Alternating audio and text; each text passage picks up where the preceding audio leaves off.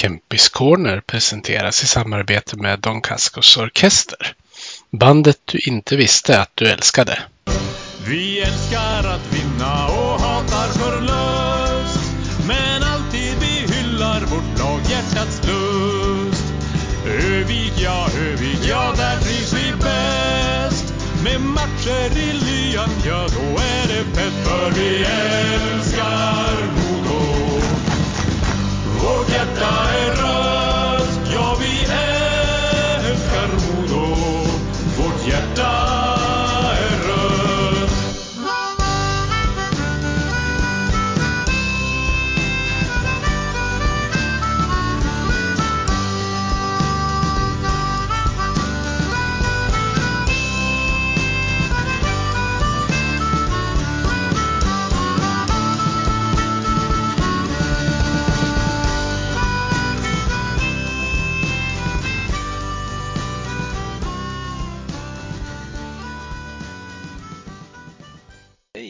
välkomna ska ni vara till eh, Kempis Corner med mig Peter Kempe. Det här är det 37 avsnittet i ordningen och eh, som min gäst så har jag med mig, eh, jag får väl säga kultfiguren Josef Ingman. Välkommen till podden Josef.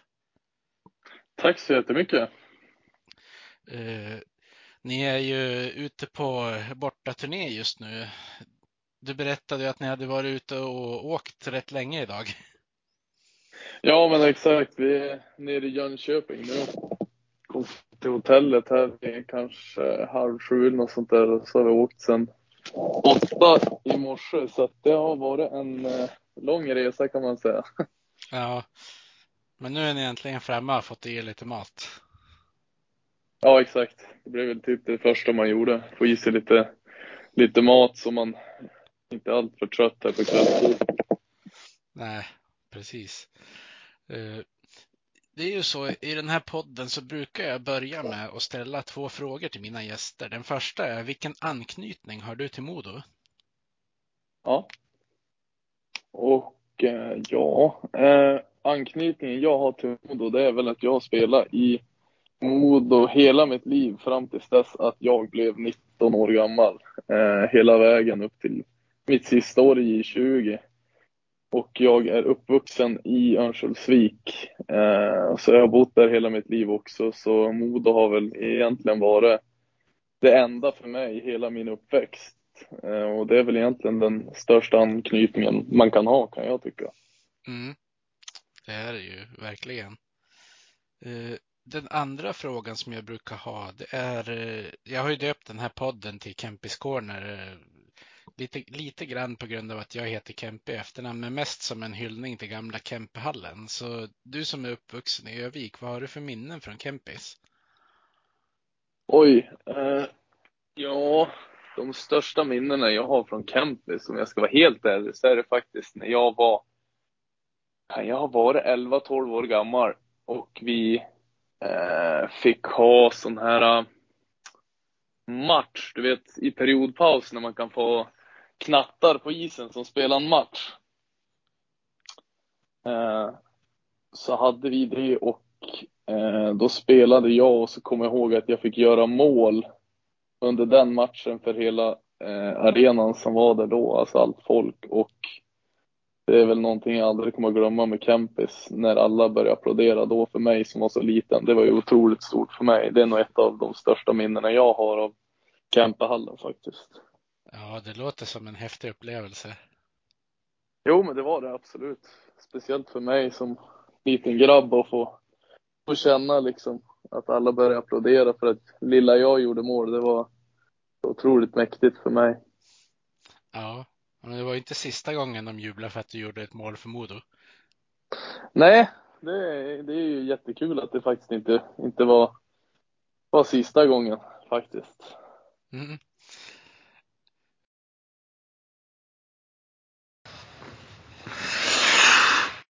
Eh, jag brukar också göra så här. Jag- tar med mina gäster ända tillbaka till början. Eh, så jag undrar, vart, vart tog du dina första skridskoskär och hur gammal var du ungefär?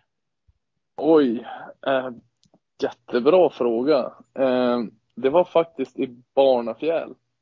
Bodde jag när jag var riktigt liten och då gjorde vi en, äh, vi använde en presenning bak på gården. På bakgården så tog vi fram en presenning och så eh, hällde vi upp vatten där. Vi gick fram och tillbaka med hinkar. Eh, farsan gjorde ett enormt jobb eh, och eh, så till slut när vi hade fått en is där så lärde jag mig att stå på skridskor och jag tror att jag var fyra, fem år gammal kanske. Ja, just det. Kul att Så ha, så- ha någon liten egen plats att lära sig på. Ja men precis, jag lärde mig stå på skridskor där. Sen kan jag säga att jag var absolut inte en bra skridskoåkare då, men eh, det kom väl senare kanske. Ja, men precis. Jag har ju, jag har ju googlat lite grann som jag brukar göra när jag gör lite research inför podden och, och läst någonstans att du började spela hockey rätt sent, va? Exakt, jag började inte förrän jag var 11 år gammal. Eh, hur, hur kom det sig att du, att, att du snöade in på ishockeyn då? Och- vilket var första laget du spelade med? Uh, ja, uh, det var så här va, att uh, jag var en ganska sportnörd på alla sätt och vis.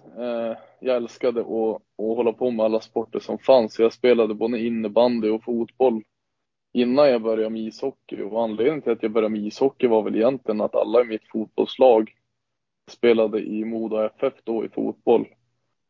Att alla de i mitt eh, fotbollslag spelade ishockey och alla tyckte att jag skulle testa och så vidare och jag älskar ju att röra på mig och behövde nog röra på mig en del då. Eh, för jag hade så mycket energi så då eh, valde jag att testa på ishockey. Eh, och jag tror kanske egentligen aldrig att jag trodde att ishockey skulle bli mitt jobb i framtiden men eh, jag gjorde det för att det var kul och testade på. Så blev det när jag var 11. Ja. Eh, hur länge fortsätter du att spela fotboll och innebandy då? Eh, innebandyn slutade jag faktiskt med då, när jag började med ishockey. Det blev lite grann att hålla på med tre sporter. Det hade kanske blivit lite för mycket. Eh, så innebandyn slutade jag med redan där när jag var 11 tror jag. Jag är inte helt hundra. Innebandy och hockeysäsongen inkräktar väl kanske rätt bra på varann också. Exakt, exakt. Eh, så att det blev, jag har för mig att det blev att jag fick välja det ena eller det andra där.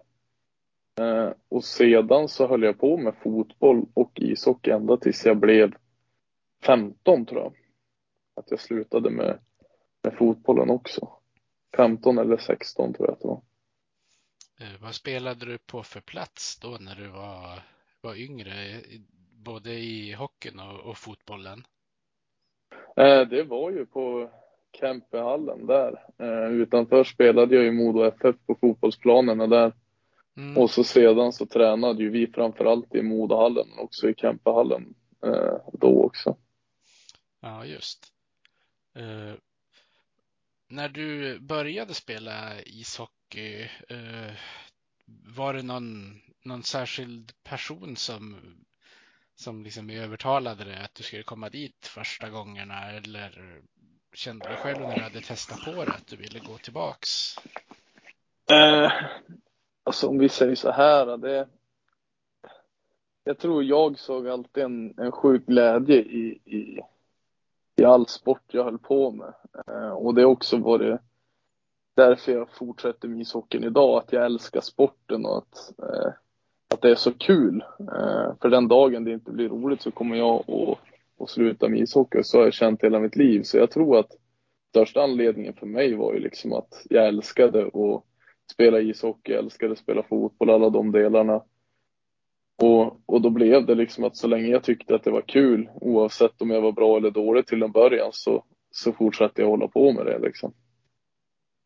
Ja, En, en, en liten rolig grej kring det som jag kan tänka mig kan, vara ganska kul för de som lyssnar är ju att veta det att när jag var 11 år gammal där eh, och skulle börja spela ishockey så eh, första månaden tror jag att det var, eller om det var två, tre veckor, jag är inte helt hundra, men då eh,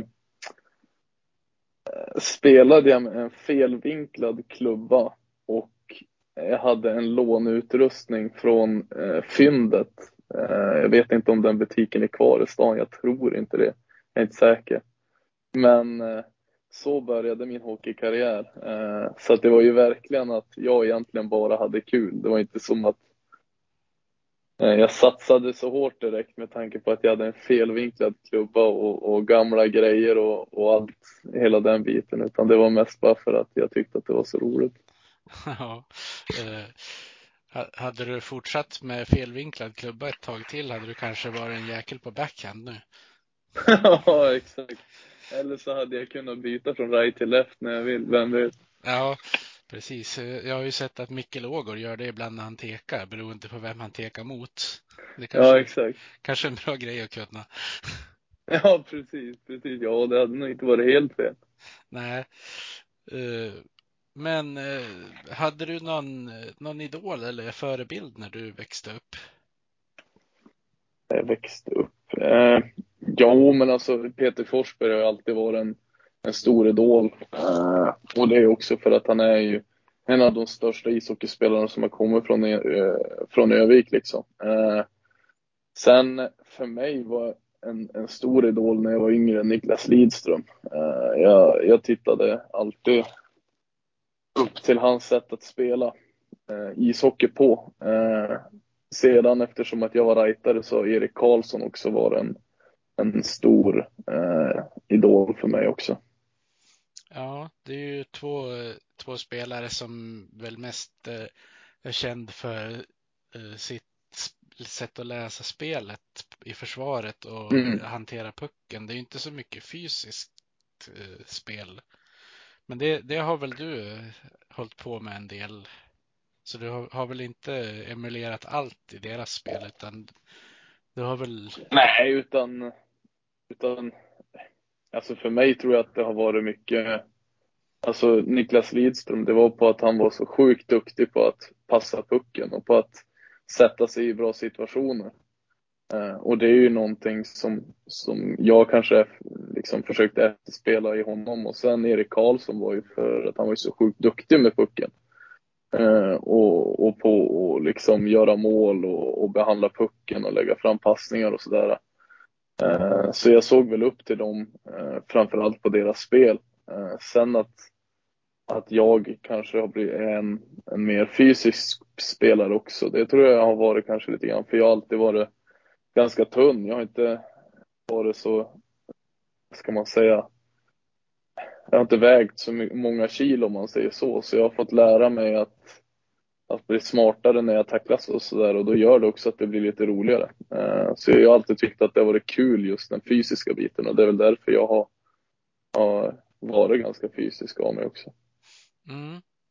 Ja, för du, som du säger, du är, är, väl inte känd för att vara den, den största spelaren på det viset. Och, eh, som jag läste så var det väl kanske inte att du höll på att styrketräna jättemycket när du var i, i yngre dagar heller.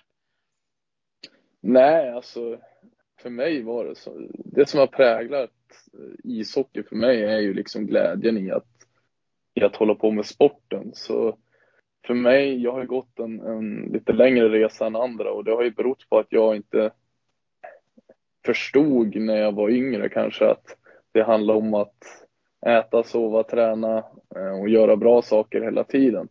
Utan jag spelade och jag tränade och gjorde allt det för att jag älskade ishockey liksom. Och kanske inte så mycket mer än det. Eh, så jag glömde bort de här bitarna med att kanske eh, träna hårt i gymmet och, och eh, liksom äta så bra som möjligt och sådär. Och, och eftersom att jag kanske glömde bort dem lite grann så var jag ju också lite mindre än de andra och så för att jag fokuserade mer på att ha kul där ute. Ja. Men du har ju, du har ju kommit en bit ändå på den inställningen. Jo, det är klart att jag kom en bit, men eh, men jag fick också ta en längre resa på grund av det. Eh, jag fick ju gå den långa vägen, eh, som många brukar säga. Eh, för det var inte förrän jag blev 22, 23 år gammal som jag verkligen förstod att om, om det här är någonting jag vill hålla på med resten av mitt liv, då måste jag satsa på alla delar eh, både på isen och utanför isen. Ja, men precis. Jag tänkte att vi ska komma till det lite, lite längre fram, den här långa ja. karriärresan du har tagit. Ja, eh, exakt. Men eh, jag tänkte innan vi lämnar dina, dina ungdomsår.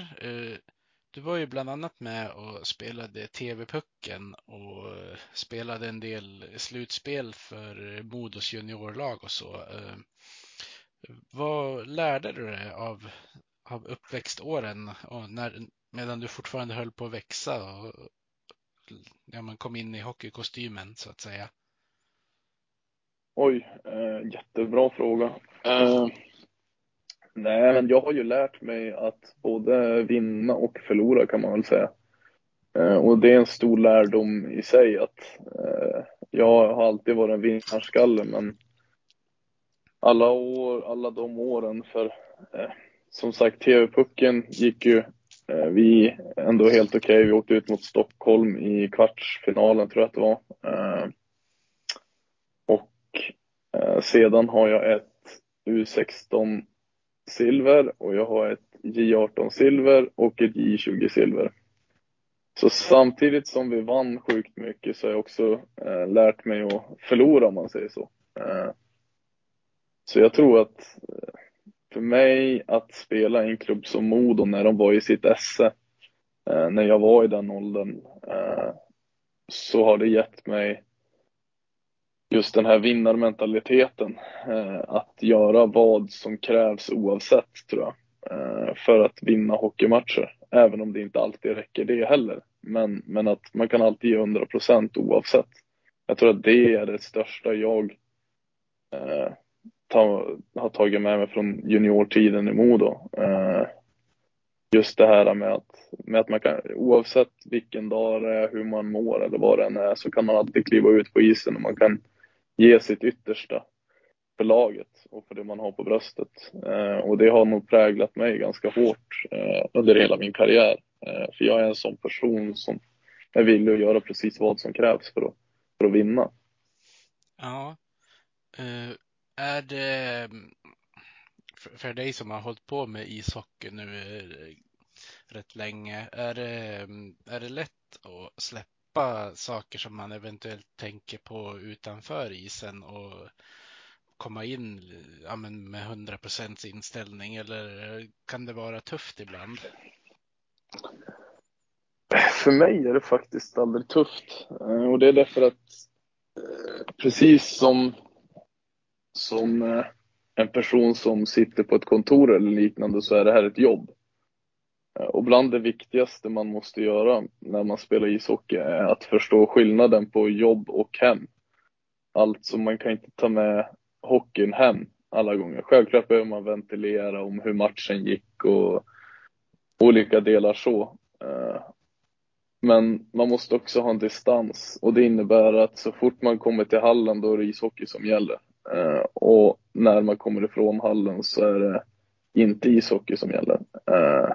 Så för mig har det aldrig varit ett problem att, att ha det där fokuset eh, och ha den där viljan att göra vad som krävs på hockeyn, utan det har alltid varit självklart för mig och jag har aldrig haft något, något bekymmer att, eh, att komma till hallen och göra det som krävs eh, när jag väl insåg eh, vad som behöver göras varje dag. Nej, men jag förstår. Det är väl en, en rätt så sund inställning det där också. Eh, det, det, är väl lätt kanske för en del att hela livet bara handlar om ishockey också. Ja, exakt. Tro mig, jag är världens största hockeynörd. Jag tycker om att kolla på ishockey och, eh, och sånt utanför hockeyn också, när jag väl får chansen. Egentligen all sport. Eh, men man måste också inse att ibland så, så måste man tänka kanske på sambon eller familjen man har där hemma ibland också. Att, att det finns större saker än hockeyn utanför också ibland. Ja. Eh, för dig som, eh, som spelar hockey som yrke, om du sitter och tittar på en, en hockeymatch, är det för underhållning eller försöker du även att fånga upp eh, rörelsemönster och grejer som du vill ta till dig av? Oj. Uh, Ja, eh, ska jag vara helt ärlig så har jag nog svårt att inte, sitter jag och tittar på ishockey eh, så är det väldigt ofta som jag kan komma på mig själv att jag sitter och kollar på detaljer som andra spelare gör och det är därför att man kan alltid lära sig. Eh, och det hur en back gör på ett visst sätt eller till och med en forward gör på ett visst sätt så kan jag försöka eh, träna på det sen. Eh, någon saker som jag kanske vet att jag är dålig på och vill bli bättre på så kan jag alltid lära mig saker och bli bättre på. Och när man tittar på ishockey så får man en helt annan bild av det än när man spelar själv. Eh, så samtidigt som jag kollar för underhållning mestadels så, så ibland så så kan jag nog inte komma ifrån att man ser när spelare både gör bra och dåliga saker och så försöker man ta lärdom av det ändå. Uh, och det har ju kommit när jag har blivit äldre framför allt tror jag. Uh, att jag kan göra sådana saker för att jag ser det som en lärdom också när man tittar på ishockey. Ja. sen är du väl, antar jag, rätt van att kolla på video av dig själv när du spelar hockey, men det blir väl en helt annan grej? Ja, exakt. Eh, jag kollar på alla mina byten efter varje match eh, faktiskt. Eh, och det, det gör jag för att när man spelar så har man en bild av hur det gick och när man tittar på det sen så kan det vara en helt annan bild än vad man trodde att det var. Eh, så för mig är det väldigt viktigt att göra det för det blir så tydligt vad jag har gjort bra och vad jag har gjort dåligt. Eh, så för mig så är det absolut bästa eh, att alltid titta på, hur jag har spelat. Eh, för då får man en överblick av, av hur det egentligen är kanske jämfört med vad man själv trodde ibland. Ja. Eh, har det hänt, ja, men, om du har fått någon tackling någon gång som att du känner i efterhand att så här hade jag kunnat gjort annorlunda för att undvika det där? Ja, absolut. Det är jättemånga gånger. Jag tror att det absolut svåraste för mig eh, Eh, personligen som hockeyspelare det är att släppa och gå vidare faktiskt. Att eh, när jag spelar ishockey så är jag nästan det spelar egentligen ingen roll hur mycket en tränare skulle skälla ut mig så hade jag nog varit arga på, argare på mig själv ändå om jag hade gjort ett misstag till exempel. Man är så, jag är så pass självkritisk i att jag alltid vill göra det bästa jag kan där ute och gör jag ett misstag då då är det väldigt lätt hänt att, att man har svårt att släppa att man har gjort det där felet. Och, och för mig är det en kamp att, att lära mig att gå vidare och släppa de misstag jag gör och, och fortsätta och göra det bra liksom. Ja, ja, för grubblar man för mycket kanske det är lätt att man fastnar i det där och så kanske man försöker göra någonting för att inte göra det misstaget och då går man dit igen ändå undermedvetet. Exakt. Eh, jag brukar säga det att när jag spelar som bäst då tänker jag så lite som möjligt och så får man tolka det hur man vill men för mig är det liksom att, att när jag inte tänker på isen då spelar jag min bästa ishockey. Ja, eh, jag förstår ju hur du menar eftersom jag har hållit på att spela fotboll själv. Men eh, jag kan ju förstå att om det är någon som kanske inte är van att hålla på med idrott så kanske de tycker det låter konstigt. ja men precis, utan alltså det är ju liksom att egentligen när man har spelat sen man, sen man var liten, då vet man egentligen vad, vad, man ska ta för beslut på isen. Men börjar man tänka på vilket beslut man ska ta där ute, då blir det direkt att tiden rinner ifrån en och man tar oftast fel beslut. Det är egentligen det jag menar med att man, man tänker för mycket. Ja, precis. Istället för att lägga säg en, en första passning på en gubbe som är en, fri en bit ifrån den så letar man efter kanske att göra den snygga passningen eller någonting i den stilen. Exakt, exakt. Man försöker göra en kreativ lösning istället för en, en simpel lösning ibland. Ja. Det är ju på gott och ont såklart. Går det hem så kan det bli jäkligt snyggt också. Ja, exakt, exakt. Och så är det ju alltid varje dag eh, en avvägning med när man ska göra det svåra och det simpla. Ja.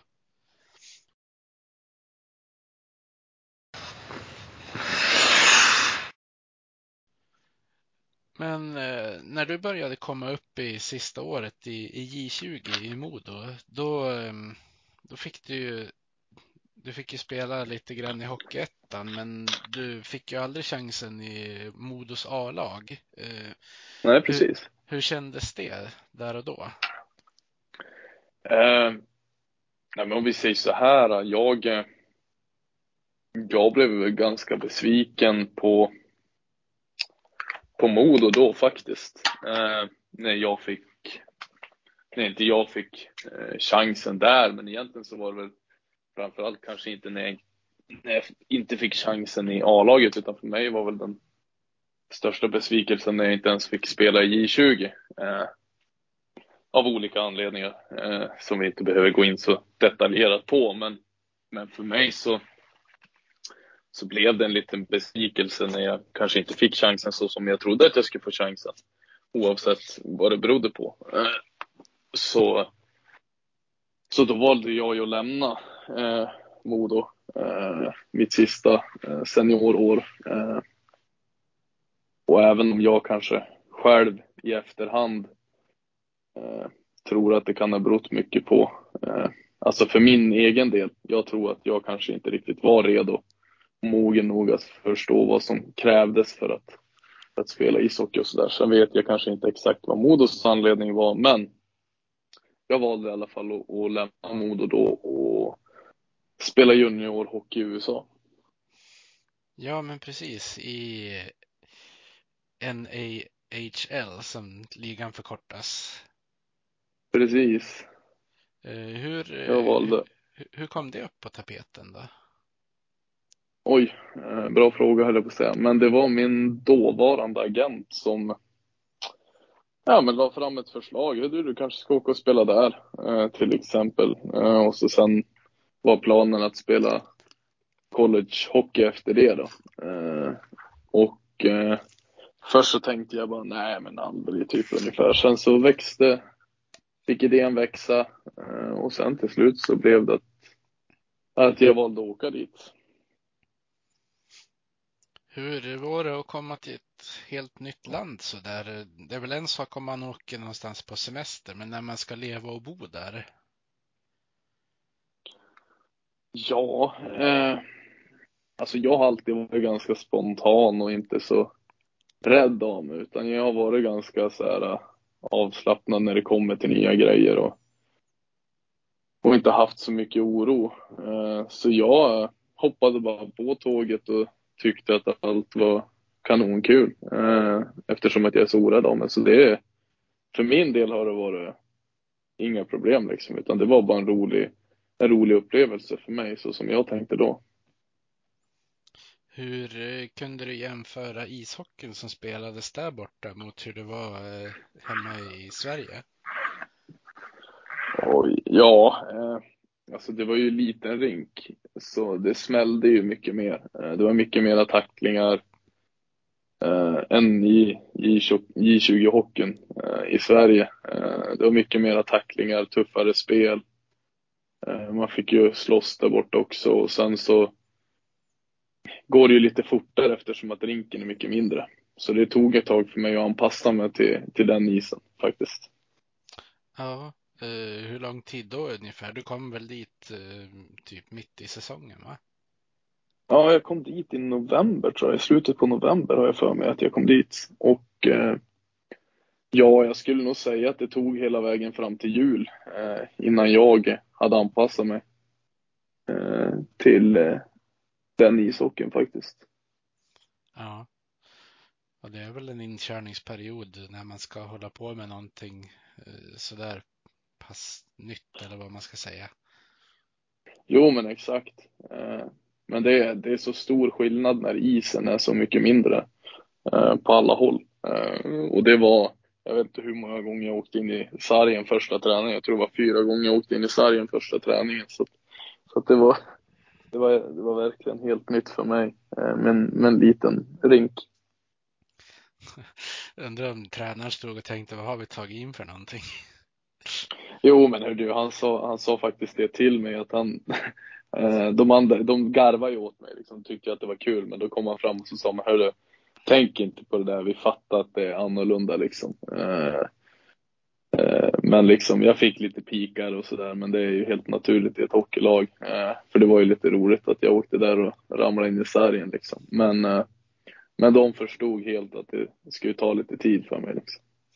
Ja, det är, väl, det är väl nästan bättre att det är så än att det inte är någon som säger någonting alls. För det är väl, det är väl då man funderar på om man hör hemma där.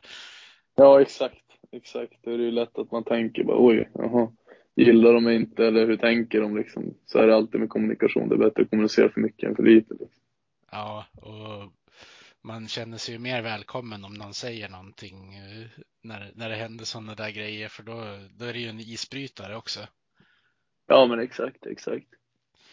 Det finns ju någonstans i de här Björnstadsböckerna av Fredrik Backman där eh, en kille i laget tycker att, eh, att det är konstigt att han aldrig får raklödder i skorna när alla andra får det som så här, vad ska man säga, inkilning av något slag. Aha. Eh, på tal om inkilning, har du varit med om något så här konstigt när du har kommit som ny till något lag? Oj. Uh, nej, egentligen inte, utan det har väl varit det gamla vanliga som som alltid har varit tror jag. Eh, det har faktiskt inte, inte varit något specifikt som jag har varit med om när jag kommit till något lag. Jag har inte blivit så speciellt drabbad eh, utav inkilningar liksom så. Utan det har, jag tror att det är ungefär det det vanliga som de flesta har varit med om eh, faktiskt. Jag är ändå i lite av den yngre generationen ändå. Men hade du frågat någon som kanske är fem år äldre än mig så det, hade det nog varit helt annorlunda utan jag varit med om ganska, ganska lindriga saker. Ja, jo, men så är det ju säkert och kanske ännu värre om man tittar lite längre tillbaka. Om man tänker på till exempel vad ja, men, eh, hockeyprofilen Erik Granqvist har berättat så här i efterhand. Ja, ja men exakt. Det var väl annat för dem som spelade hockey runt där du är född? Ja, men precis. Precis. Garanterat att det var mycket, mycket tuffare då jämfört med, med hur jag har haft det. Eh, det är liksom, det är mest bara varit att, att man ska präglas lite grann och, och vad säger man, tuktas lite på ett, på ett snällt sätt eller vad man ska säga. Men det, det har inte varit så farligt. Nej, det är det viktigaste att man inte får men av det. Nej, men precis. Alltså, det jag har varit med om har inte varit så farligt alls. Uh, och det är väl bra att, att hockeykulturen är på väg åt rätt håll där tycker jag. Ja, precis. Uh, men du körde ju mm, efter att du hade spelat den där första säsongen i, i Fairbanks Ice Dogs så, så blev det ju en säsong till och den gick ju rätt bra. Kan du inte berätta om den? Oj, ja. Eh, den säsongen gick ju faktiskt riktigt bra. Jag tror vi bröt varenda rekord som gick att bryta i ligan. Alltså poängrekord, antal vunna matcher och eh, poäng vann våran kapten och ja, det var, alltså vi bröt varenda rekord tror jag. Det gick sjukt bra den säsongen och så vann vi till slut guld så att det var ju en sjukt mäktig upplevelse att, att få vara med om det. Ja, Uh, och du, var det den säsongen du var med i någon fight också? Uh, ja, det var det säkert. Jag har varit med i en del slagsmål. Som tur är så finns inte alla på Youtube bara. men, uh, men det var nog den säsongen säkert som jag var med i den fight som jag antar att du hävdar på. Eller hävdar till. Ja, det är inte alls omöjligt. ja. Eh, men eh, hur var eh, fightingkulturen där borta? Eh, nej men den var, alltså där är det ju lite annorlunda. Där var det liksom, var det någon som eh, gjorde någonting fult eller något, ja då eh, var det bara att, ja men indirekt eh, stå upp för din lagkamrat och slåss indirekt.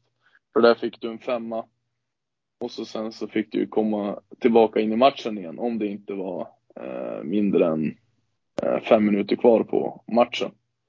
Eh, eller liknande. Eh, det fanns vissa regler för att man kunde bli avstängd och sådär. Men, men just den kulturen är ju annorlunda i USA. I USA så är, eh, handlar det ju mer om att om att det är mera tillåtet med just slagsmål och de bitarna. Ja. Um, om du var med i ett slagsmål, var det lätt att det satt kvar eh, aggressioner? Att det blev att man kanske stod och tuppfäktades lite med samma kille sen? Nej, utan just när det är slagsmål eh, så jag tycker faktiskt att, eh, nu ska jag inte säga att jag tycker att slagsmål ska vara en del av sporten, men jag tycker inte att man ska jag tycker att slagsmål på ett sätt hör till. Eh, och det är därför att ibland så kan det behövas att två stycken får stå och ja, men, göra upp det eh, på ett hederligt sätt när det är en ful grej eller liknande och att det kanske ska vara okej okay att det händer ibland, kan jag tycka. För att just med kulturen där borta om att slagsmål var okej, okay, så gjorde det också att det handlar ju inte om att man hatar en person som man slogs där borta. Utan det handlade ju om att man försökte skapa energi till sitt lag eller stå upp för en lagkamrat. Eh, så när man gjorde det, ja men då klappade de ju alltid om varandra efter fighten och sa bra fight ungefär. Och så sen var det inget mer med det. Eh, men det hör ju till hockeykulturen där borta i USA. Och just därför så blir det ju inte det här att man ska slåss för att man hatar någon, utan att där slåss man mera för att få energi till laget eller att man har en frustration eller, eller liknande.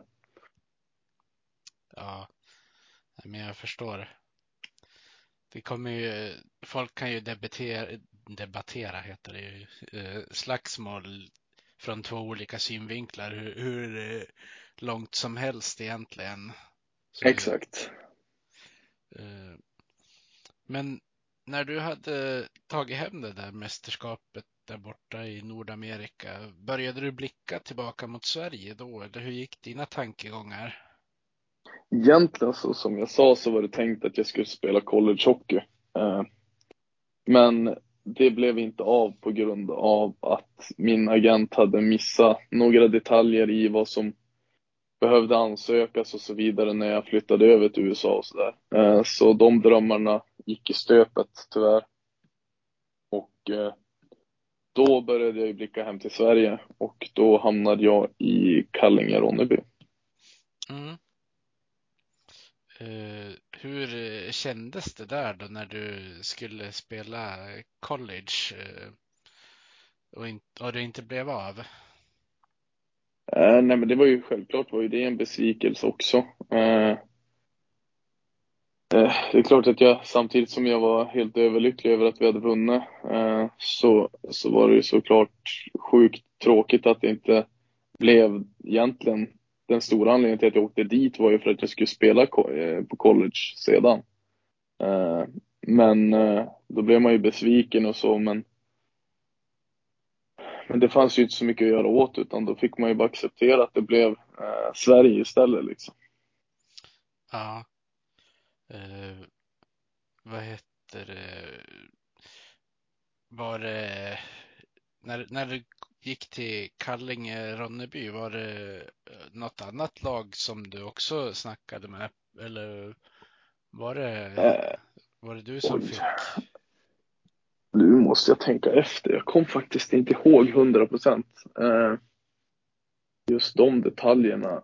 Jag har för mig att det fanns andra alternativ också som min agent la fram. Men det blev Kallinge-Ronneby på grund av att eh, jag hade hört väldigt gott om dem. Eh, och jag hörde att det var en, en, en bra klubb i södra Sverige och sådär. Eh, ja, nu när, när jag pratar om det, det var ju faktiskt så att jag fick en del anbud ifrån några norra klubbar också, så att det fanns andra anbud också. Eh, men det kändes helt enkelt bäst med just Kallinge-Ronneby. För den södra serien var faktiskt eh, bättre än den norra då i alla fall. Eh, nu har ju eh, division 1 blivit eh, mycket, mycket bättre i, i den norra serien också jämfört med vad den var förut. Men just då när jag flyttade hem så var, var den södra serien känd för att den var lite bättre och då kände jag att det passade mig bättre för att jag ville det. Liksom. Ja, det var för, för utvecklingens skull också då? Ja, men självklart. Alltså, även om jag kanske framför allt åkte dit för att ha kul så, eh, så var ju hockeyn lite bättre där och då tänkte jag, ja men då är det klart att jag vill åka dit. Eh, hur eh, kände du att du ville satsa mot högre serier då eller kände du liksom att du, det var på den nivån du var just då? Ja, alltså mitt första år när jag kom hem igen eh, så hade jag ju fortfarande inte kanske insett eh, vad som krävdes för att spela ishockey och sådär.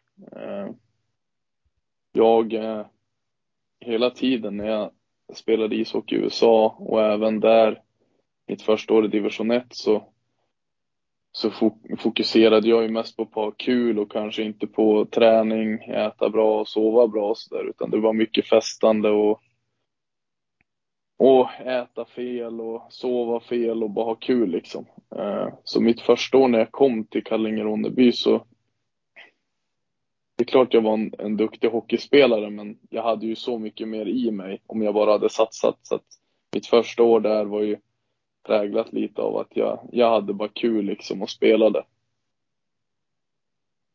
Ja. Eh, kände du att du, ja, det, jag tänkte fråga om du fick ut den ishockeyn du kände att du hade i dig, men det var väl det, det precis du svarade på nu. Ehm. Ja, men alltså, jag förstår ju vad du menar och, och Ja, alltså jag fick ju ut den hockey jag hade i mig, men samtidigt så hade jag ju mycket, mycket mer ishockey i mig. Om jag bara hade satsat hårdare redan den säsongen. Eh, och så vidare. Men, men liksom det kom, det kom ju senare när jag eh, inför eh, min andra säsong egentligen jag tog beslutet och bestämde mig för att satsa helhjärtat. Ja. Eh, vad heter det? Ni hade ju mm, Per Justeräng, eller hur det uttalas, som, som tränare där. Eh, Exakt. Han eh, har väl varit verksam på Hockeyettan nivå rätt länge och även varit i Hockeyallsvenskan. Eh, var, det, var det någon tränare som fick dig att, att inse att du skulle kunna göra en, en hårdare satsning eller kom det från någon annanstans? Eh, nej men alltså det var många som hade sagt till mig i många, många års tid att eh, ungefär indirekt sa du hur, de brukade säga till mig, men Josef hur dum är du? Vet du hur mycket ishockey du har i dig och hur mycket talang du har som du håller på att kasta bort ungefär? Och jag bara ja, ja, ja, jag vill ju bara ha roligt ungefär. Men då när han eh, indirekt skällde ut mig efter min första säsong eh, och sa ungefär samma sak. Det ihop med att jag, det var en del i det, men den största delen var att jag träffade min nuvarande sambo och eh, vi eh, samtidigt när vi träffades, typ någon dag innan vi träffades, så hade vi båda bestämt oss för att få ordning på våra liv och eh, liksom att nu är det dags att göra rätt saker. Alltså framförallt för mig, inte lika mycket för henne. För henne var det väl mer kanske att hon kände att hon ville träffa en bra kille. För att hon tyckte att alla killar var idioter ungefär. Mm. Men, men för mig var det mer att, att jag, behövde, jag behövde satsa på att eh, göra rätt saker i mitt liv, både på och utanför isen liksom. Och det gjorde jag dagen eller två dagar innan jag träffade henne och så träffades vi och sen har hon varit min klippa i att eh, förändra mig till det bättre liksom just på, på alla de delarna som jag behövde förändra. Det låter ju nästan som att det var meningen att ni skulle träffa varann. Ja, men typ. Eh, jag, har, jag och eh, hon har faktiskt funderat många gånger på det också. Eh, för det är ju lite, lite sjukt att vi träffades i, i samma punkt i livet när vi behövde någon som kunde hjälpa den andra på, de, på det sätt som, som vi har hjälpt varandra. Och Så det, det är lite, lite coolt faktiskt. Ja, det låter ju som att ni har gjort varandra till bättre personer också. Ja men exakt så eh, är det faktiskt. Eh, jag har henne att tacka, tacka till mycket för att jag eh, är här där jag är idag faktiskt. Ja. Då förstår jag att man, man blir tacksam. Ja men verkligen, verkligen, det blir man. Har hon eh, fått vara med och, och besluta någonting om när, när du har varit i sådana här situationer där du ska byta lag? Jag tänker om man bor tillsammans och, och den ena parten ska flytta så kanske det kan vara lite, lite känsligt ibland. Jo men exakt, det är klart att och vi säger så här, för mig är hon lika viktig i mina beslut eh, för att hon är en del av mitt liv och jag är en del av hennes liv. Eh, så jag tar alla beslut jag tar tillsammans med henne. Så jag låter henne alltid vara delaktig eh, och säga vad hon tycker och vad hon tänker i vad jag egentligen gör i livet och speciellt med hockeyn. För hon blir lika berörd av vart vi bor eller vart jag spelar eh, som jag blir berörd. Så för mig är det sjukt viktigt att hon också ska känna att hon mår bra och att, och att allt känns bra för henne. Ja, det är nog en väldigt viktig sak att tänka på kan jag tänka. Men som, som kanske en, en vanlig hockeysupporter inte tänker på heller. Just det där att eh, spelarna är människor och har andra människor som är viktiga i sitt liv också. Ja men exakt, alltså jag lever ju ett helt vanligt liv förutom att mitt yrke är ishockey. Och min sambo är ju det viktigaste för mig. Eh, tillsammans med ishockey och min familj och så här. Eh, och, och eftersom att hon är det viktigaste för mig så är det ju sjukt viktigt att jag inte kan glömma bort henne i det hela. Eh, hon liksom offrar ju upp sin del att ja men hon kanske inte vill bo i Övik nu till exempel eller hon kanske inte vill bo i Djurgården där jag har spelat och, och i Stockholm liksom och sådär. Men hon har ändå flyttat med mig och gjort vad hon kan för att kunna, vad ska man säga, leva sitt liv och göra det hon älskar tillsammans med mig i mitt liv. Eh, och eftersom att hon gör den uppoffringen så eh, tycker jag inte att det är mer än rätt att jag eh, låter henne vara delaktig och tänker på henne i mina beslut. Nej visst, det, det låter ju självklart men det kanske inte är alla som tänker så när det är en så pass, eh, vad ska man säga, begränsad tid man kan hålla på med elitidrott. Men Ja. det, det, är Ja väl, exakt. det är väl viktigt att må bra liksom på sidan av det man håller på med också. Ja men exakt. Alltså, det är kanske inte det längsta yrket man håller på med. Eh, och så sen så kanske det är ett, det är ett ganska begränsat utbud också ibland. Man har kanske inte alla möjligheter att gå dit man vill så att säga eftersom att det är ett prestationsbaserat yrke. Men i det så kan man alltid, eh, enligt mig i alla fall, tänka på sin sambo och på, på hur hon känner och vad hon tycker också i beslutet. Ja, precis. För det, det är ju inte så lätt att skaffa ett nytt socialt umgänge på, på bara någon vecka sådär när man vet att det är en flytt på gång heller. Ja men precis. Eh, det är svårt, svårt för henne att, att aldrig kanske kunna bygga längre relationer för att hon vet att jag undrar, undrar vart vi bor nästa månad eller undrar vart vi bor nästa år eller om två år eller om tre år. Det är ju ganska svårt för henne att kunna planera eh, en längre tid liksom. Ja, men precis. Eh, var det därför du skrev ett lite längre kontrakt med Modo nu? Eh, eh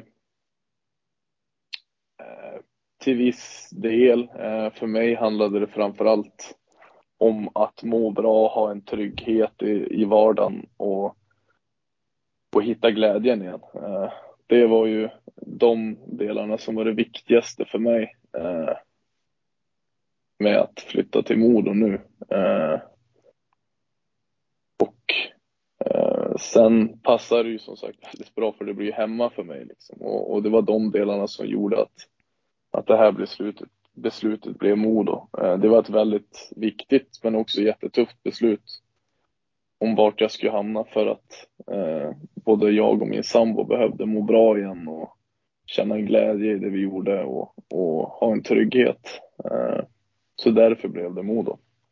Mm. Jag förstår. Men vi ska komma mer till Modo lite senare. För nu tänkte jag att vi ska Mm. komma till, eh, jag vet inte om man ska kalla det din genombrottssäsong, men eh, du hade ju gjort ett, ett rätt så bra år i Kallinge-Ronneby och sen hamnade du i Hockeyallsvenskan i Karlskrona. Exakt. Eh, jag hamnade där i Karlskrona. Det ligger ju väldigt nära. Det ligger bara 25 minuter ifrån Kallinge-Ronneby. Jag bodde där med min sambo också. Eh, och där eh, hade jag Ove Molin som tränare och Patrik Larsson eh, som sportchef. Så eh, det blev att jag hamnade i Karlskrona. Eh, för de ville ha dit mig och det passade ju väldigt bra eh, eftersom att vi redan bodde i Karlskrona och så vidare. Ja, de hade nära till att scouta dig med andra ord. Ja, det hade de. Eh, Det var inte jättelångt för dem att åka om man säger så. Nej. Eh, när du bodde där nere, märkte du av någonting om att det, det skrevs om dig i några tidningar eller så, så att de fick reda på det så, eller var tror du att det var att de var dit och scoutade mer? Nej, men jag, ganska, eller jag vet att de var där och scoutade eh, mycket och sådär för de har en bra relation, Kallinge, Ronneby och Karlskrona. Eh, nu även fast de spelar i samma serie i division 1 så, så hade, när Karlskrona dåvarande var i SHL och även i Allsvenskan så, så hade de, har de alltid haft en bra relation om att man, man kan byta spelare och låna ut spelare och så vidare. Så att, eh, så att de hade varit och scoutat och kollat ganska mycket. Mm. Jag komma in på att det, det fanns ju folk som lite skämtsamt sa att eh, Micke Sundlöv eh, lät bli att värva dig till Modo men värvade dig till Brynäs när han kom dit sen. Han hade ju varit i Karlskrona innan du kom dit. Ja, precis, precis. Jo, jo, jag vet det också, men han försökte faktiskt värva mig till Modo. Eh, men jag tackade faktiskt nej. Så att, eh, så att han försökte få mig till Modo redan innan han hamnade i Brynäs. Ja, så då kan vi slå hål på den myten i alla fall en gång för alla. Exakt, han försökte få mig till Modo också. Mm. Eh, Men du, du hamnade ju som sagt i Karlskrona och, och hur, hur skulle du vilja beskriva utvecklingen du hade där? Oj. Eh, jag hade en jättebra utveckling eh, fysiskt eh, med en eh,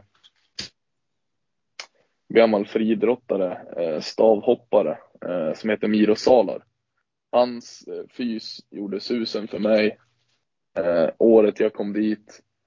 Och sedan så var det ungefär som att på grund av att jag satsade på, på fys och på att äta och sova och sköta mig utanför och, och satsade hockeymässigt så blev det att jag eh, presterade väldigt bra på isen också. Eh, så det var ungefär som att min karriär bara fortsatte eh, att gå bra, eh, helt enkelt. Ja, eh, Miro Salar är ju även känd för att ha varit expert på radiosporten. Eller jag vet inte om han är det fortfarande kanske. När det gäller friidrott just. Eh, jo, men jag, jo, men jag tror att han fortfarande är, är kvar eh, på Radiosporten. Eh, Ja, det, jag tror det. Jag ska inte säga hundra, men Det är, ett, det är ett känt namn i idrottsvärlden i alla fall, eller idrottssverige åtminstone. Eh, ja, precis. Eh, men han, han har en jättebra filosofi när det kommer till träning. ja. Eh, vad, hittade du några nya styrkor som du, som du valde att träna på då, eller vad, hur var det ni la, la upp det? Uh, han fokuserar väldigt mycket på kvalitet i det man gör. All träning så, så han, han fokuserade inte lika mycket på mängden man tränade utan väldigt mycket på kvaliteten i det man gjorde. Så när, när man väl körde en övning eller när man väl sprang eller cyklade så skulle man ha kvalitet i det man gjorde. Så att vilan var han väldigt noga med och även att när man väl körde så var det 100 procent. Eh, både i kvalitet och i, i liksom powern eller vad man ska säga. Det låter ju som, eh, med tanke på vad du har berättat om tidigare, som att det var helt rätt träningsfilosofi för dig också. Exakt, exakt. Eh, och det gjorde, det ju, att, det gjorde ju att du, eh, du lyckades väldigt bra där på hockeyallsvensk nivå och till och med kunde ta steget upp till SHL sen. Ni, ja, exakt ni tog ju Karlskrona till, till slutspel där den säsongen. Men det, det tog väl, det, det, blev väl inte så. Ja, precis, det gjorde det. Vi kom till slutspel. Ja, det blev väl inte så långt spel i slutspelet då. Nej, utan vi körde ju den allsvenskan, eh, vad säger man? Säger man slutspelserien körde vi. Ja, men precis. Eh, men men, vi, men vi, vi kom inte så mycket längre än så. Eh, och det var alltså, om vi säger, säger att vi överträffade kanske förväntningarna i att bara ta oss till slutspelet lite grann. Eh, men eh, vi gjorde ju en väldigt bra säsong och sen så i och med att det gick bra för mig och för laget så eh, så eh, hamnade jag i Brynäs sen, även om jag först skrev på för Västerås och var där och fystränade i två månader. Eh, och så sen första dagen på semestern så ringde Brynäs eh, och ville ha dit mig. Ja, du, du var ju med på någon, någon bild med Västerås tröja också som brukar dyka upp på nätet med jämna mellanrum när det står om dig. Men då har de klippt bort allt utom kragen. Mm, exakt. ja, det måste ha... Exakt, exakt. Det är mycket möjligt. Det måste ha tagits, ja. det måste ha tagits emot på ett konstigt sätt kan jag tänka mig. Att du... Ja. Alltså, om vi säger så här. Chefen och tränarna och alla de där, de, de har inte varit någonting annat än vänliga och, och helt förstående i, i mitt beslut där att gå till SHL. Eh, så de förstod helt och hållet. Sen var det väl kanske att supportrarna eh, tyckte lite annorlunda eh, tyvärr och blev rätt arga. Och det, det får väl stå för dem, men de kanske inte hade riktigt förståelse att, att ishockey är mitt jobb och i jobbet om du får en befordran så tackar man kanske nej till det. För det tror jag kanske inte en vanlig person som eh, sitter på ett kontor hade tackat nej till heller om de hade fått den möjligheten. Nej, så är det nog. Eh, och du lägger ju fram en, en sån grej som kanske många inte tänker på också när det pratas om klubbkänsla och liknande, att det faktiskt är ett jobb också.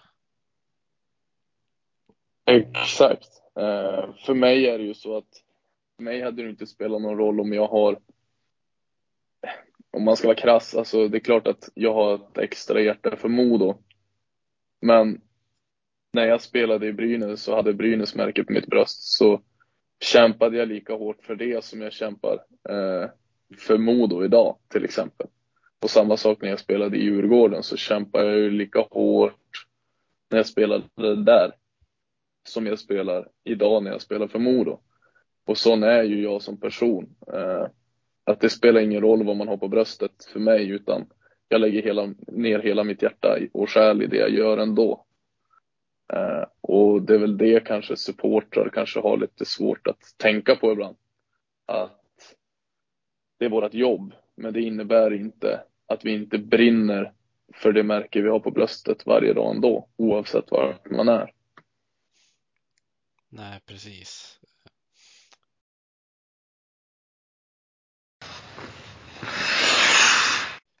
Du var ju med om att spela, mm, ska man kalla det för playout när du var i Brynäs? Eh, Ja. hu- Hur, hur var det där? Det måste ju ha varit eh, otroligt spänt. Ja, alltså det är nog bland det värsta man kan göra som hockeyspelare tror jag. Eh, Det är inget kul överhuvudtaget. Det är känsloladdat något fruktansvärt. Man är livrädd mest hela tiden höll jag på att säga. Men eh, det gäller där och då att försöka hitta någon form av positivitet och tro på att man kommer att lyckas. Eh, Som tur var så gjorde vi det. Ja. Eh, gäller det att, att hitta den här tryggheten i sig själv, att man, man vet att man är duktig på att spela ishockey, även om det inte går så där superbra för laget just där och då. Ja, eh, det är väl klart att man måste, jag tror att man måste gå tillbaka till grunderna och spela en väldigt simpel ishockey. Eh, alltså att göra det enkla hela tiden och ta vara på de lägen man får. Eh, att, att inte försöka göra för mycket, för det är oftast då det blir fel, utan att, att egentligen bara spela så enkelt man bara kan spela där ute när det gäller så mycket. Liksom. Och så sen, som jag sa, att minsta lilla grej ska, av positivitet ska höjas. Liksom. Ja, det är väl lätt annars att man fastnar i någon ond spiral när man hamnar i det där utsatta läget. Ja, men exakt. Eh, sen vart det ju en sen tränarrockad i Brynäs också. Eh, hur stor betydelse tror du den hade? Eh, jag tror att den hade sjukt stor betydelse för de tränare som kom in, kom in med, med bara positivitet. De ändrade egentligen ingenting i spelet utan valde bara att fokusera på, på att komma in med positivitet och en glädje i gruppen. Och det var precis det vi behövde eh, för det kvalet. Att man kommer ur den där onda spiralen av negativitet och, och liksom, vad ska man säga, häng, nerhängda huvuden. Utan att man hittade en glädje i det man gjorde och, och fick en positivitet istället. Mm. Eh, var, det, var det du eller Brynäs som kände att det var dags för nästa steg för dig? Eh, det var nog eh, båda två tror jag. Eh, om vi säger så här, Peter Andersson och Viktor Stråle som fick sparken där och då. Eh, jag fick inte spela så mycket mitt andra år i Brynäs eh, överhuvudtaget eh, på grund av de tränare som var där då och inte ville kanske spela mig så mycket för att de inte trodde på mig och sådär. Och, och eftersom att det var tänkt att de skulle vara kvar året efter och jag inte visste att de skulle få sparken eh, så blev det ju att, att jag sökte mig vidare. Ja. Och därför så gick jag till Djurgården i slutändan. Liksom. Ja, men det förstår jag att när man har sådär sporadiskt med istid att man, man vill se om sitt eget hus också. Exakt, exakt. Eh, Man, det är ju en individuell sport i eh, en lagsport liksom också. Ja, så är det ju. Ehm, Och då hamnade du som sagt i, i Djurgården eh, som man får väl säga har haft en turbulent säsong. Hur, hur kändes det att vara där Ja, i inledningen? Eh, ja, men det kändes jättekul faktiskt. Jag fick ju ny energi, ny glädje. Eh, mitt andra år i Brynäs präglades ju av att, att jag inte fick spela så mycket och hade inte så mycket kommunikation från, från tränarna och sådär om varför jag fick spela, eller varför jag inte fick spela, ursäkta.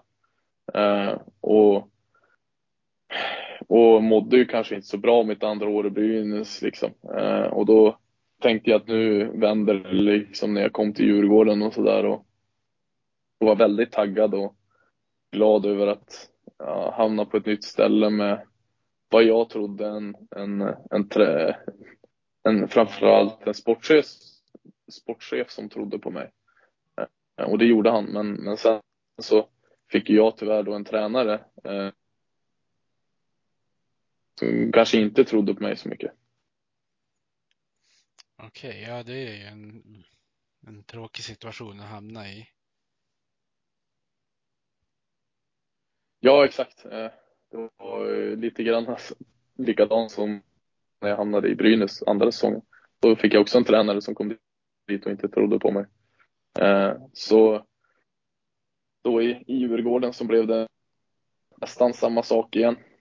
Att jag inte fick spela så mycket. Det var in och ut i lag, laguppställningen och så här. Och, och de vågade kanske inte ge mig chansen riktigt att spela mig eh, så mycket som jag förväntade mig och, och som jag hoppades på. Eh, och i och med det med, med dålig kommunikation och att inte få spela och inte känna sig eh, betrodd av tränarna och, och, klubben. Och så sen i och med att det gick så dåligt och hela den biten så, så valde jag att bryta mitt kontrakt. Eh, utan att egentligen veta vart jag skulle hamna. Eh, för att jag insåg själv att jag mådde dåligt eh, psykiskt. Eh, och att det drabbade både mig och, och min sambo och, och min familj. Liksom. Och, och, när det började drabba eh, andra än mig själv så kände jag att nu måste det få ett stopp. Så då bröt jag mitt kontrakt. Ja. Och då eh, föddes ju direkt ett, ett hopp och, i Modokretsar på Twitter. Eh, du hade säkert hört talas om den där hashtaggen innan, men den verkligen intensifierades när det var, blev eh, känt att ditt kontrakt med Djurgården inte gällde längre. Ja, men precis. Eh, om, man, om man säger så här. Under fem års tid nu innan jag kom hit har egentligen Modo till och från hört av sig och velat att jag ska komma hem. Och då har ju den där hashtaggen florerat eh, egentligen hela tiden. Eh, och eh, eh Så jag har ju vetat om att både fansen och eh, Modo som klubb har, har velat eh, ha hem mig liksom. Ja, och det var ju lite lite det här jag tänkte på när jag presenterade dig som en kultfigur i, i inledningen av podden också. Mm. Uh, ja, men precis. Uh, hur, hur mycket har ja, men det här att, att det är Övik och, och Modo. Du var ju inne på lite grann ehm, varför du hamnade i Modo. Men kände du också att, eh, att det är en klubb som är på väg åt rätt håll den här säsongen? Om man tänker på Modo i fjol, hade man kanske inte hoppat på hur som helst mitt i en säsong? Är min spontana känsla i alla fall. Nej, alltså om vi säger så här, jag, jag nämnde lite grann att, att de har varit på mig under fem års tid och så där. Jag har ju tackat nej egentligen hela tiden. Eh, och det är därför att jag inte har känt att det eh, har varit dags för mig att flytta hem. Eh, personligen. Eh, men också inte varit dags att spela i Modo. För jag tycker inte att Modo har varit eh, på rätt väg. Alltså jag tycker inte att Modo har haft en rätt grund att stå på eh, och haft, eh, ska man säga, eh, varit på väg åt rätt håll eh, hockeymässigt eller vad man ska säga och som förening. Eh, det har varit en ned, nedåtgående trend egentligen sen Modo vann SM-guldet 2007. Sen har de haft säsonger när det har gått bättre och kanske varit lite på rätt väg men sen har man kommit tillbaka till en negativ trend igen. Eh, men nu när Gradin har kommit till Modo eh, som jag känner väldigt väl och, och det har blivit förändringar i föreningen eh, så kände jag att, att Modo är på gång att komma tillbaka kanske lite grann till att vara på rätt väg och, och, och göra rätt saker både som, eh, som klubb eh, men också hockeymässigt. Eh, och det är ju också en av anledningarna till att jag kände att jag kunde komma hem nu. Att, att klubben är på rätt väg och att de gör någonting som jag vill vara med på just nu. Eh, även om förändringar måste fortsätta att ske eh, så är de åtminstone på rätt väg nu. Och därför så passar det mig väldigt bra att komma hem nu. Ja. Så för dig som har spelat i, i SHL några säsonger nu, kändes det på något sätt som att ta ett steg tillbaka att hamna i Hockeyallsvenskan? Ja, jag skulle ljuga om jag sa nej där. Eh, självklart så var det en tanke som var rätt jobbig för mig eh, på ett sätt att, att ta klivet ner. Eh, för det känns ju som ett bakslag. Men samtidigt så till slut så insåg jag att det spelar ingen roll eh, om jag går ner till allsvenskan eller inte. För just nu handlar det om att jag måste må bra och det var viktigare liksom. Men ja, det kändes jobbigt till en början för det kändes som att jaha, ja, nu har jag sumpat ungefär och liksom haft en sjuk otur. Eh, men liksom, för mig var det ju ett misslyckande eh, med det jag ville. Men när jag sen insåg att det behöver inte vara ett misslyckande utan det handlar om att jag måste må bra och att, att bara för att jag tar ett steg ner så innebär det inte att jag är en sämre ishockeyspelare för det liksom. Nej visst. Eh, sen kanske rent rollmässigt så hade du väl hamnat lite, lite skevt till i Djurgården som du var inne på. Eh. Exakt. Eh, för mig var helt enkelt det bästa alternativet att ta ett steg ner på grund av den sits som jag, hade hamnat i. Eh, både med det som hände i Brynäs men också det som hände i, i Djurgården helt enkelt. Ja. Eh, känner du att du har, har hittat tillbaka till, till glädjen i Modo? Absolut. Eh, glädjen har jag hittat igen 100 procent. Eh, för mig handlar det om att fortsätta och även om jag har byggt upp mitt självförtroende så jag har ett mycket större självförtroende idag så handlar det fortfarande om att fortsätta att bygga på det. Jag har sjukt mycket i mig och eh, mycket av det har kommit fram redan men jag har mycket mer att ge. Eh, och jag låter egentligen just nu bara få ta lite tid. Eh, att, att ha kul i hockeyn och bara, bara låta det få vara roligt, det jag gör. Eh, så kommer allt det där andra att komma med varje match jag spelar. Eh, och nu är jag ju eh, nästan där igen, så att det känns sjukt kul.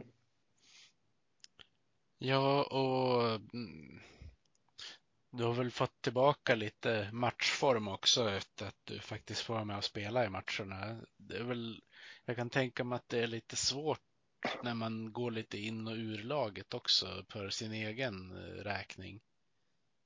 Ja, verkligen. Eh, det tog ju lätt fyra, fem matcher för mig här eh, när jag kom hit innan jag inte hade blodsmak i mun efter varenda byte höll jag på att säga.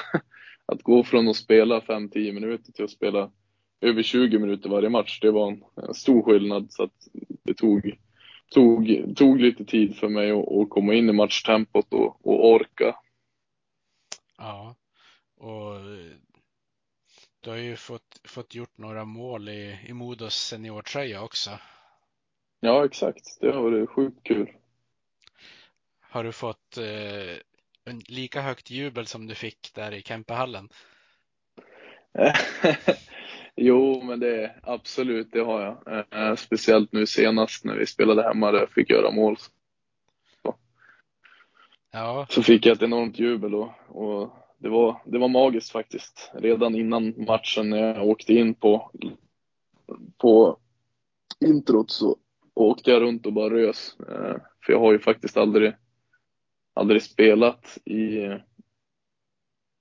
för ett fullsatt eh, numera Hägglunds arena.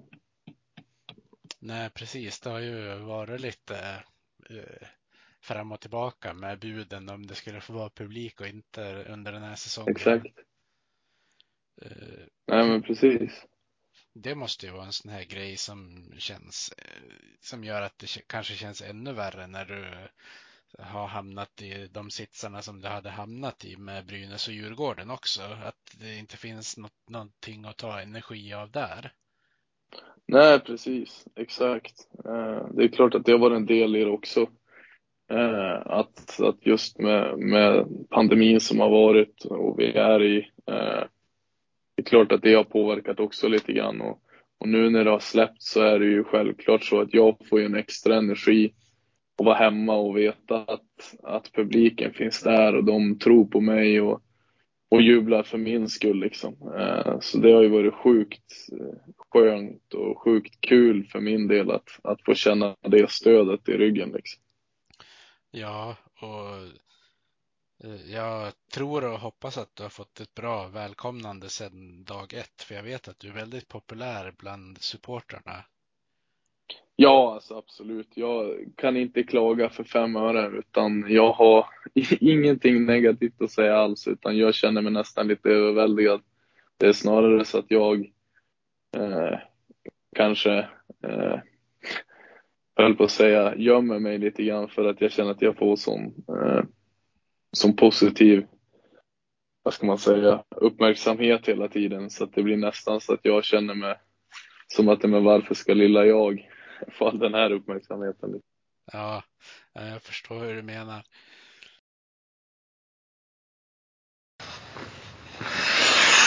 Eh, Ni ligger ju i, i dagsläget på en andra plats i tabellen. Ehm, Det är fyra poäng före BIK och sju poäng efter HV. Men ni Mm. har någon match mer spelad. Eh, Hur, eh, hur realistiskt tror du att det är att ni skulle kunna slåss om dels seriesegern men också andra platsen? Om vi säger så här, vi slåss med allt vi har för att ha andra platsen. Eh, realistiskt sett så är ju andra platsen eh, det mest troliga kanske. Eh, men självklart slåss vi ju för första platsen också. Eh, vi, vi vet hur mycket våra supportrar gör för oss och vi vet hur mycket Modo betyder för dem. Men också så, behöver, så, så vet ju vi som lag hur mycket de betyder för oss. Vi vet ju hur vår statistik är på hemmaplan den här säsongen. Och, och det gör ju också att självklart vill vi ha en fördel. Eh, Egentligen i både en semifinal och en, en, en final liksom. Och då måste vi kriga med allt vi har för att ge oss själva chansen och ha framförallt en andra plats i serien när den slutar. Men också att sikta på en första plats. För siktar vi på en första plats så kommer vi per automatik förmodligen få en andra plats. Eh, så är det realistiskt sett så tror jag att det kommer bli en andra plats. Eh, det ligger ju i våra egna händer och de enda som kan strula till det är egentligen vi.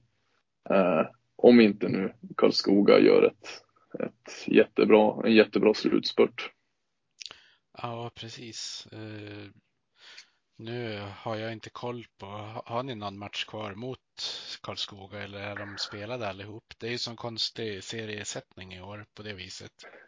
Precis. Eh, nej, tyvärr har vi ingen match kvar mot dem. Eh, som tur är så har vi en match kvar mot HV eh, och det är ju nu på fredag och det ska bli sjukt kul. Men tyvärr så har vi ingen mer mot, mot just Karlskoga. Nej, just det, så ni får förlita er på att de inte tar full pott i hängmatcherna de har. Exakt, men, men för oss så kommer ju fokuset bara vara på att vårt fokus det ska ligga på att vi ska vinna alla matcher vi har kvar. Eh, för om vi fokuserar på det och lyckas med det, ja, då har vi gjort vad vi kan. Eh, Ja. Åtminstone. Precis, det är mycket lättare att påverka det man faktiskt kan ha någonting att säga till om också. Exakt, exakt. Eh, Men rent spontant känns det som, jag tänkte säga det när du berättade om målet du gjorde sist, men det är otroligt många matcher som ni har hamnat i underläge i början. Kanske Ja. spelat bra men inte gjort det första målet och sen släppt in det första målet. Mm. Ja, eh, det har nog hänt en hel del gånger. Eh, Jag vet inte om det är att vi kanske vissa matcher har otur eller om vi inte är tillräckligt påtända, men det finns olika anledningar och det är väl mera kanske att vi behöver vara 100% fokuserade från start kanske, för man måste inse att ligger man två i serien så varenda lag man möter kommer vilja försöka förstöra för en. Eh, det är väl en fokusgrej kanske från oss att, att verkligen vara där när pucken släpps. Eh, tror jag. Eh, jag tror kanske det största problemet som vi behöver jobba på egentligen är väl kanske att, att sluta upp med de här små misstagen under matcherna och, och spela bra i 60 minuter. Ja. Kanske lättare sagt än gjort ibland. Men... Ja, men exakt. Men, men ska man vara med om och slåss om att gå upp i SHL, då gäller det att man, att man rättar till de sakerna. Ja. Eh, hur tycker du att eh, stämningen känns i, i laget just nu? Eh, ja, du, jag skulle säga att den här stämningen i det här laget är kanon. Eh, det har varit det ända sedan jag kom hit och, och det, är- det är nog en av de största styrkorna vi har med det lag vi har. Att vi har inte bara bra hockeyspelare utan vi har en otroligt bra grupp. Eh, för den här gruppen driver åt samma håll och, och vill någonting eh, varje dag. Och får vi bara ihop det då med de här små misstagen som jag pratade om och att, att vara bra över 60 minuter så, så har vi eh, oförskämt bra möjligheter att ta oss upp. Eh, men grunden till det är ju som, som sagt att vi har en så otroligt bra grupp eh, med bra människor. Ja, eh, min, eh, min lilla amatöranalys under säsongen när vissa har skrikit efter värvningar har ju varit det att låt den här gruppen få chansen och, och att bara ta in eh, någon om det är verkligen en spetsförstärkning. Och det får man väl ändå säga att ni fick in eh, nu innan, innan transferfönstret stängdes i Jelisejevs.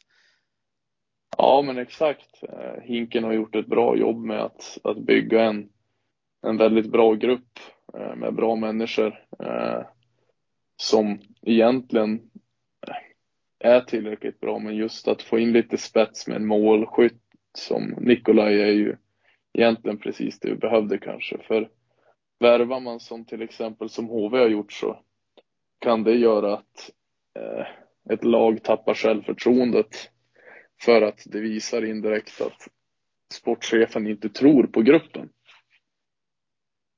Eh, Men det tycker jag verkligen att Hinken visar eh, med sina värvningar att han tror på gruppen men han vill tillföra lite spets. Ja. Är det någonting ni som, som lag har visat under säsongen så är det ju att den här moralen finns med tanke på vilka matcher som ni har lyckats vända. Eh, det som är nackdelen med det, det är väl att det är många tvåpoängare på tavlan istället för trepoängare som kanske hade gjort att ni hade haft några poäng extra att gå på på slutet. Exakt, exakt. Eh, det är klart att man hellre tar en trepoängare än en tvåpoängare men samtidigt så kan det ju vara sjukt lärorikt för om man lyckas få en grupp att vinna så många övertidsmatcher och vända matcher i sista perioden som vi har gjort så innebär det ju också att man får en oerhört stark grupp, en stark mental grupp liksom. Och inför ett slutspel är det sjukt viktigt att man har en grupp som inte viker ner sig oavsett om man ligger under eller inte. Nej, visst. Eh, Sen var det väl bra i förra matchen att ni lyckades eh, spika igen på slutet eh, istället för som det blev några matcher innan att ni kanske haft en tvåmålsledning i tredje och tappat det till och sen tagit bonuspoängen istället. Men kanske någon match ni borde ha lyckats knyta ihop säcken på. Exakt. Eh, det, det är också någonting man måste, måste jobba på inför ett slutspel. Att man kan inte vika ner sig bara för att det går lite emot en.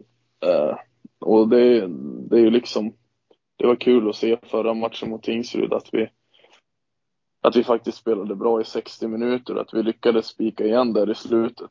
Eh, även om vi kanske skulle ha gjort lite mer mål i den matchen så var det, var det viktigt att, att vi faktiskt spelade bra i 60 minuter.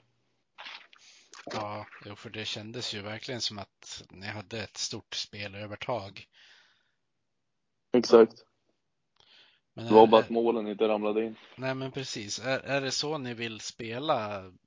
Eller, på, eh, eller spelar ni en annorlunda gameplan när ni är på bortaplan? För det känns ju som att ni, ni spelar kanske med mer självförtroende på hemmaplan. Men det kan ju också vara att det bara känns så för att ni kanske har olika strategier. Jag tror att eh, anledningen till att man nästan alltid är bättre på hemmaplan, det är därför att man har publiken i ryggen. Man, man får energi varje byte för att publiken är med, de är aktiva, de ropar, de hejar och pushar den hela tiden och då, då får man ett självförtroende på grund av det. Och är man på bortaplan, då gäller det ju att hitta det där självförtroendet utan att man har någon som hejar med, utan en som hejar emot den.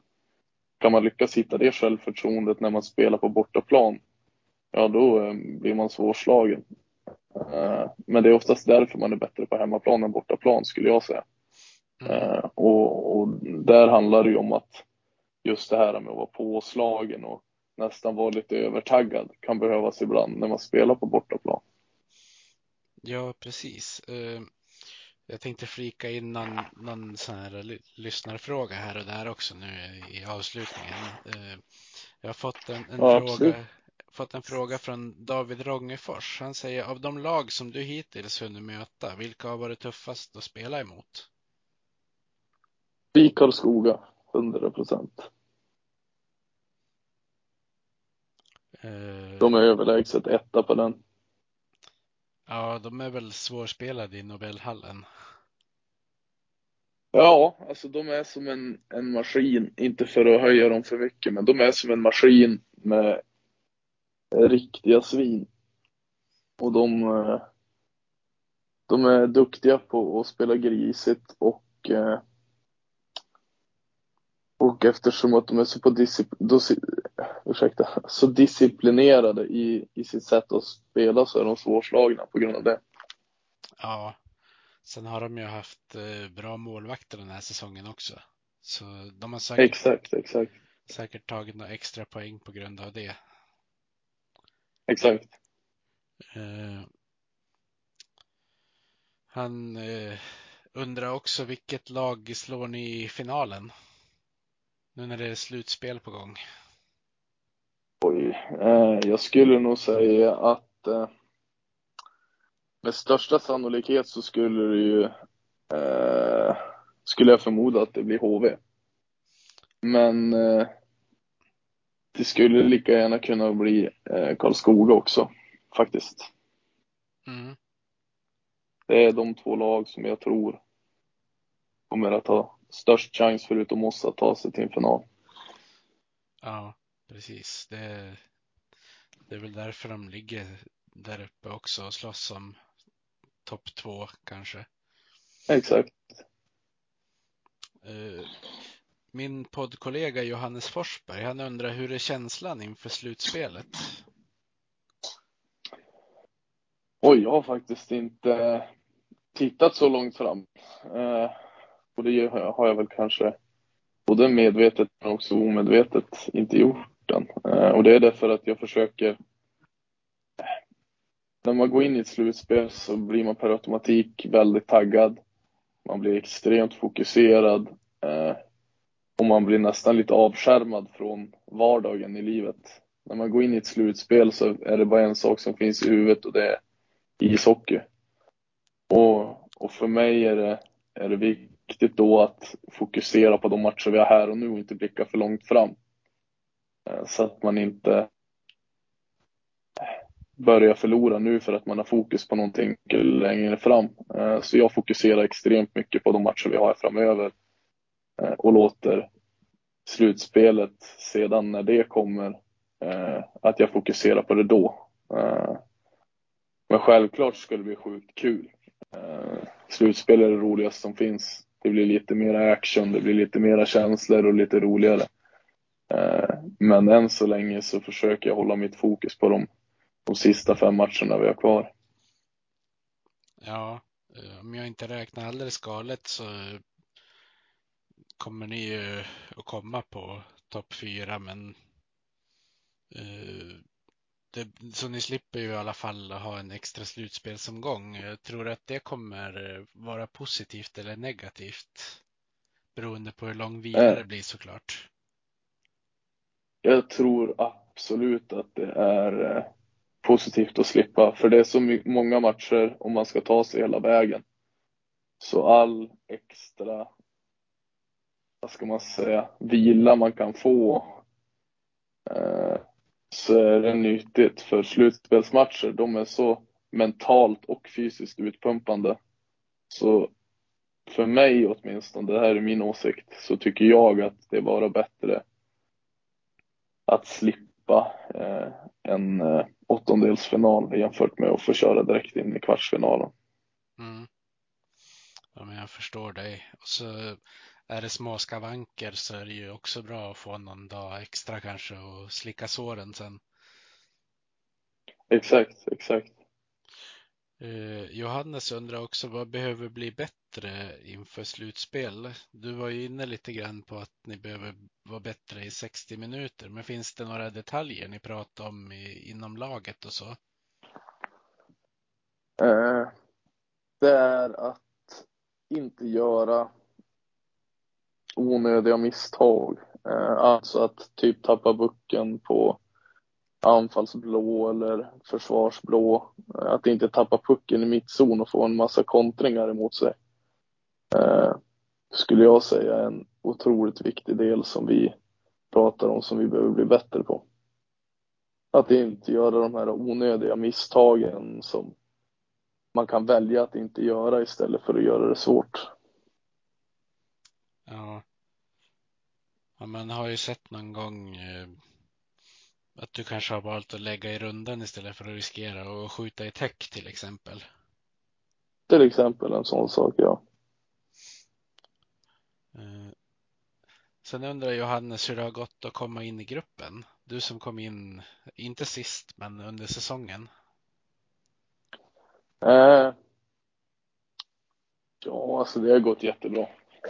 Som jag nämnde lite grann så är det en otroligt bra grupp och eh, det har gjort att när jag kom in i gruppen så var det som att jag hade spelat i Modo hela säsongen höll jag på att säga. Det kändes som att jag var en del av gruppen från dag ett. Eh, så för mig har det varit hur simpelt som helst att komma in i gruppen. Eh, det har varit simplare att komma in i gruppen än att komma in i spelet kan jag säga. Så att det har känts eh, superbra. Ja, det är väl lite mer eh, uppstyrt i SHL än i Hockeyallsvenskan va? Ja, exakt. Det är mycket, mycket mer struktur om man säger så i SHL. Dock är det lite roligare hockey i Allsvenskan, men det är mycket, mycket mer struktur i, i SHL jämfört med Allsvenskan. Så ibland när man tror att en spelare ska komma så kommer han inte och nästa gång när man tror att en spelare inte ska komma så kommer han. Så att man få ha lite ögon i nacken och vara mer uppmärksam än, än annars kan man säga. Ja, men det såg man ju när Modo åkte ner Eh, att en sån spelare som Oskar Hedman hade ju lite, vad ska man säga, anpassningssvårigheter från början. Men andra säsongen var han ju hur bra som helst när han hade fått en säsong med att komma in i hur Hockeyallsvenskan spelar. Så jag förstår ju att eh, det är en inlärningskurva när man hoppar emellan serierna sådär. Ja, exakt. För det är helt annorlunda spel verkligen. Ja.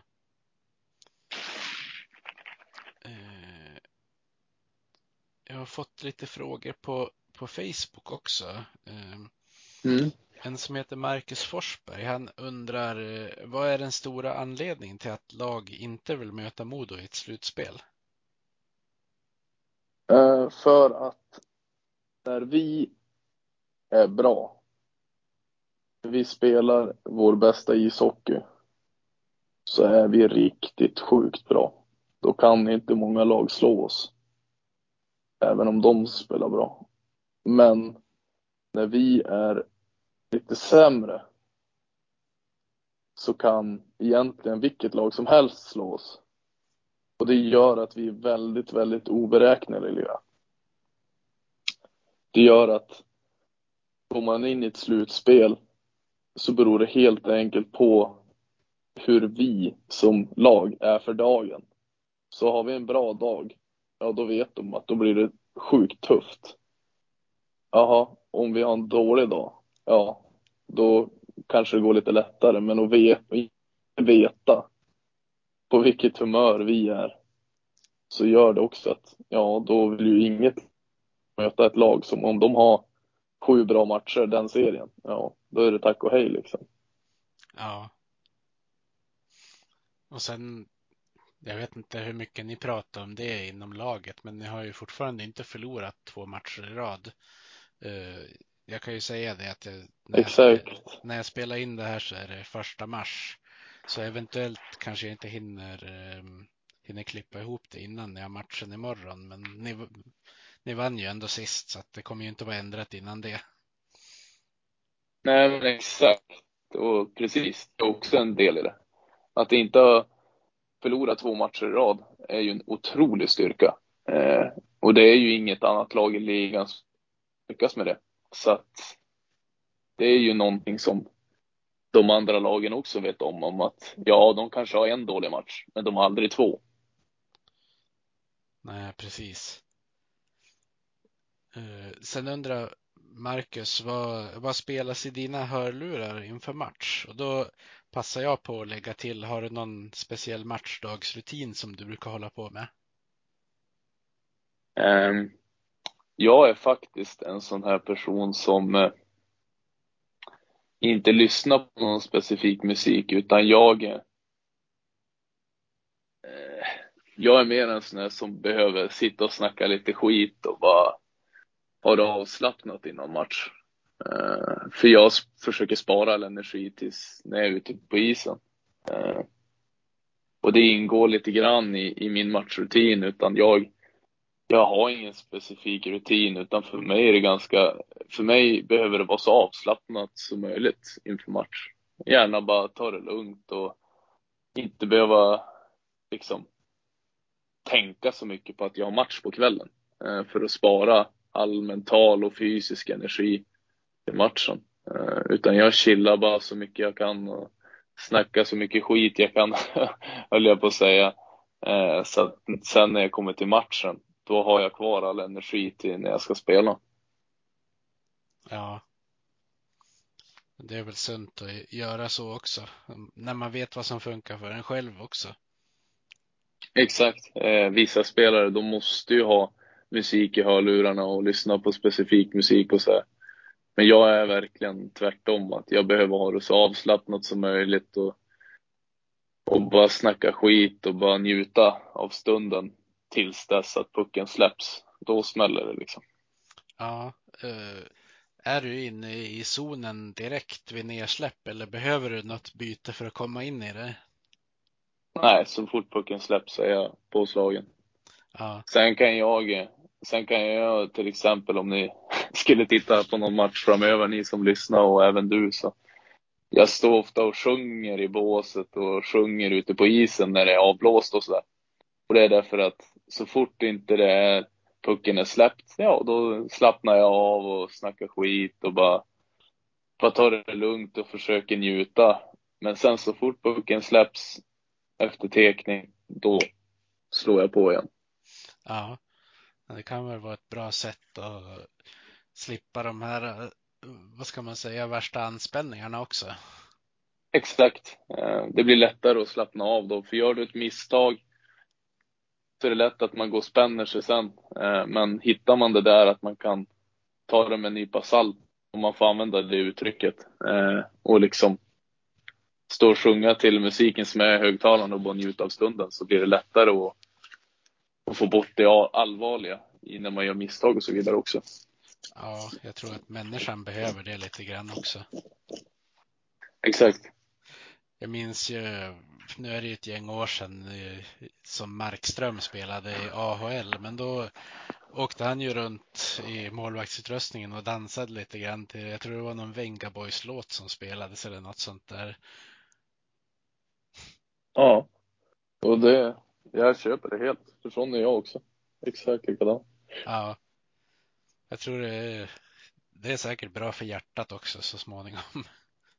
Ja, men precis. Alltså det är nog bra att bara få, få slappna av och känna glädjen i det man gör under tiden. Det är så allvarligt och, och seriöst också. Ja, visst. Ni, ni har ju mycket allvarliga matcher framför er nu så att då är det ju bra att njuta av stunden också. Exakt, exakt. Eh, innan vi slutar Josef så tänkte jag bara be dig och, ehm, och tala om eh, hur du tror att det kommer gå för er i, i avslutningen. Ja, jag tror att eh, jag tror att vi kommer ta oss till en final. Eh, det kommer jag göra. Eh, kommer vi göra, tror jag. Eh, jag tror att vi kommer att sluta på en andra plats i serien. Sen kommer vi ta oss till en stundande final. Sen där är jag lite kluven, för jag anser att vi behöver förbättra några saker i laget för att kunna ta oss upp. Eh, men så långt vet jag vad jag tror. Eh, men efter det så är det, känner jag att lite allting kan hända. Eh, vem eller vilka tror du kommer bli mest avgörande i ett slutspel? Eh, jag tror att jag tror faktiskt att en sån som Folin och Wahlberg kommer vara extremt viktiga för oss bakåt. Eh, de är våra backgeneraler defensivt, så de kommer vara sjukt viktiga. Sen tror jag att första kedjan vi har kommer bli sjukt viktiga för oss, att de gör de poäng som kommer behöva göras. Just. Eh, Men då eh, tänkte jag att vi ska avrunda här, så då säger jag ett stort tack för att du ställde upp och var med i podden. Ja, men tack själv. Det var superkul att få vara med. Ja, eh, vill du avsluta med någon hälsning till fansen? Ja, men det kan jag göra. Uh, jag tänkte så här att uh, jag är sjukt tacksam uh, för all, vad ska man säga, överflödig värme och glädje ni har gett mig och att eh, ni finns där varje dag och pushar och hejar och allt ni har skrivit som är så gott om mig, om att jag har fått komma hit och så vidare. Jag vill bara att ni ska veta att jag är sjukt tacksam och sjukt glad över att få spela i Modo idag och eh, eh, vi behöver er varje match, speciellt i ett slutspel och vi är sjukt tacksamma för att vi har er allihop. Det vill jag säga. Och med det så säger vi tack till alla lyssnare. Tack, tack. Vi hejar på Modo, rödvit och grön. Klubben i hjärtat, en känsla så skön. Övik, ja, Övik, ja, där trivs vi bäst. Med matcher i lyan, ja, då är det fest. För vi älskar Modo. Vårt hjärta är